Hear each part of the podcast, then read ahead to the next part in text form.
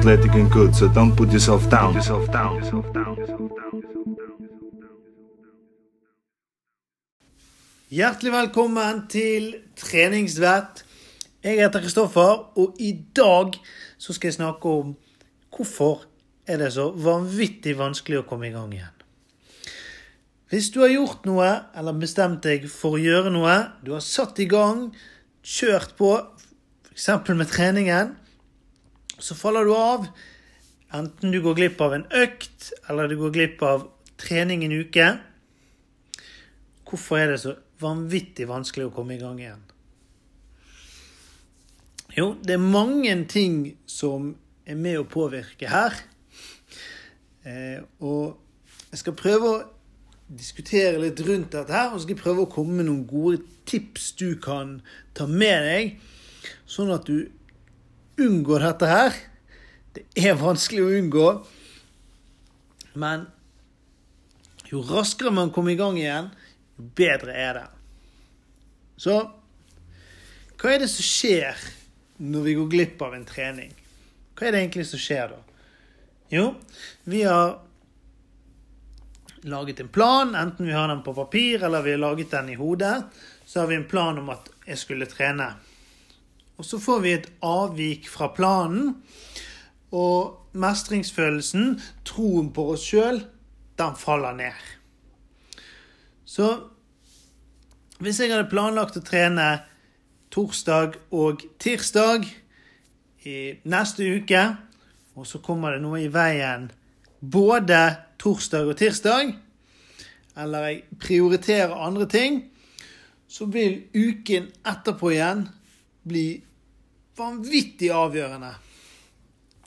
Da har jeg fått to, to treninger jeg hadde på planen, og så gikk jeg glipp av de, eller prioriterte andre ting. Hvis jeg da lar det gå enda lengre tid, så blir det vanvittig vanskelig å komme i gang igjen. Og hvorfor er det sånn? Hva er det vi kan gjøre med det? Jo, for å bruke denne podkasten her som et litt annet eksempel Se på målet. Hva er egentlig målet med det? Målet med denne podkasten, og når podkasten startet, var full av motivasjon, full av glød, full av giv. Nå skal jeg lage podkast. Aldri laget podkast før, men jeg skal gjøre det. Jeg skal sette i gang, jeg skal kjøre på 100 Så laget jeg et par episoder sammen med Tobias. Og så ble det en liten pause, og så kom vi i gang igjen, og så ble det en liten pause igjen. Og hvorfor skjer dette her? Altså, hva er det som skjer? Jo, hverdagen skjer, ting inntreffer, og da handler det om både prioriteringer eh, Og det handler om tidsbruk, tidsstyring. Men hvis jeg ser på målet Hvorfor startet jeg denne podkasten? Eller hvorfor skal jeg begynne å trene? Eller hvorfor startet jeg egentlig å trene? Startet å trene fordi at jeg hadde lyst til å løpe Bergen City Maraton. Eller jeg hadde lyst til å gå ned fem kilo. Eller jeg hadde lyst til å få litt mer hverdagsenergi. Og når man har trent en stund, så kanskje man avviker litt. Man glemmer litt hva målet egentlig er. Så minn deg sjøl på Se hvis det er vanskelig å komme seg på trening. Hvorfor gjør jeg egentlig dette her? Så hvorfor laget jeg egentlig denne podkasten? Hva var egentlig målet? med denne podkasten.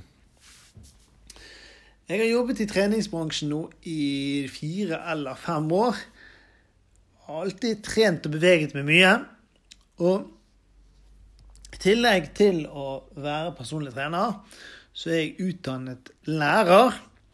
Og jeg syns dette med eh, formidling, formidle kunnskap Vi er så utrolig forskjellige. Vi har så utrolig mange måter og ulike måter å tilegne oss kunnskap på.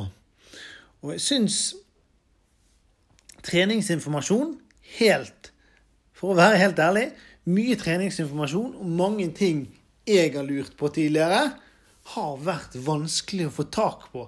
Det har vært vanskelig å forstå det. vanskelig å forstå. Det er så mye anatomi, det er mye fysiologi, det er mye treningslære. Det er jo et haug, vanvittig virvar av både øvelser, teknikker, triks, metoder, eh, som sier at dette er den beste.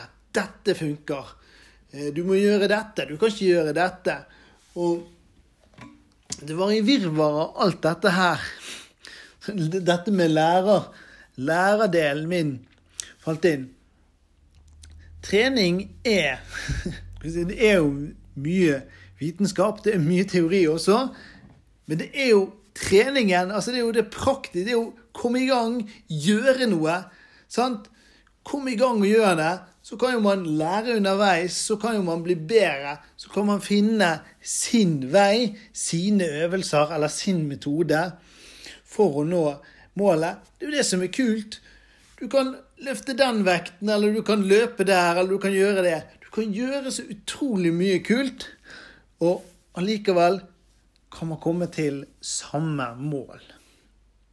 Så målet med podkasten var i grunnen å gjøre trening mer folkelig, mer forståelig. Det var det som var tankene bak fra en litt overgiret bergenser som eh, Overgiret bergenser med lærer, ja, tidligere lærervansker. Ja, jeg har jo litt dysleksi og sånn ennå, men hvorfor må det være så vanskelig? Trening som er utgangspunktet jeg ser på som en praktisk ting. Ikke la det pakkes inn i altfor mye teori. La oss heller gjøre mer. La oss trene mer. La oss bevege mer. Og så skal jeg gjøre mitt for å kunne gjøre treningen enkel, forståelig, sånn at du kan gjøre helt konkrete ting og få mer ut av treningen. Uh, ja, det var litt, eh, var litt eh, Kjente at det der var godt å, godt å få ut. Men tilbake til dette med å komme i gang igjen. Sånn, nå er jeg i gang igjen. Sitter her, spiller inn podkast. Eh, og har målet klart for meg. Så er det med å se. Den planen jeg hadde før lage to eller tre episoder hver uke. Jeg må analysere den. Var den realistisk? Hadde jeg nok gjennomføringskraft? Hva var det som gikk gale? Jo, kanskje jeg eh, hadde dårlig tidsberegning. Kanskje jeg beregnet at jeg skulle gjøre for mye. Samme er jo med treningen. Se, analyser hva gjorde du. Jeg skulle trene to ganger i uken. OK, jeg prioriterte litt feil. Må ha flytte treningen litt høyere, og så kjører jeg på. Eller to treninger. Det blir rett og slett for mye. For meg, når jeg har familie, jeg har jobb, jeg har kanskje en kjæreste, en samboer, så er det for mye å ta hensyn til. Jeg klarer ikke to økter i uken, men jeg skal klare én økt i uken.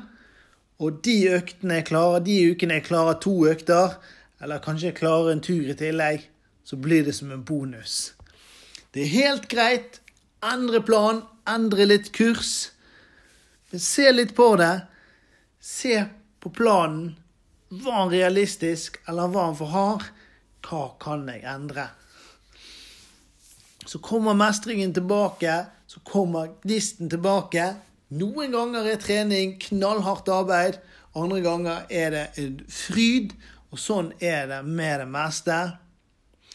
Men kom i gang igjen så snart som overhodet mulig.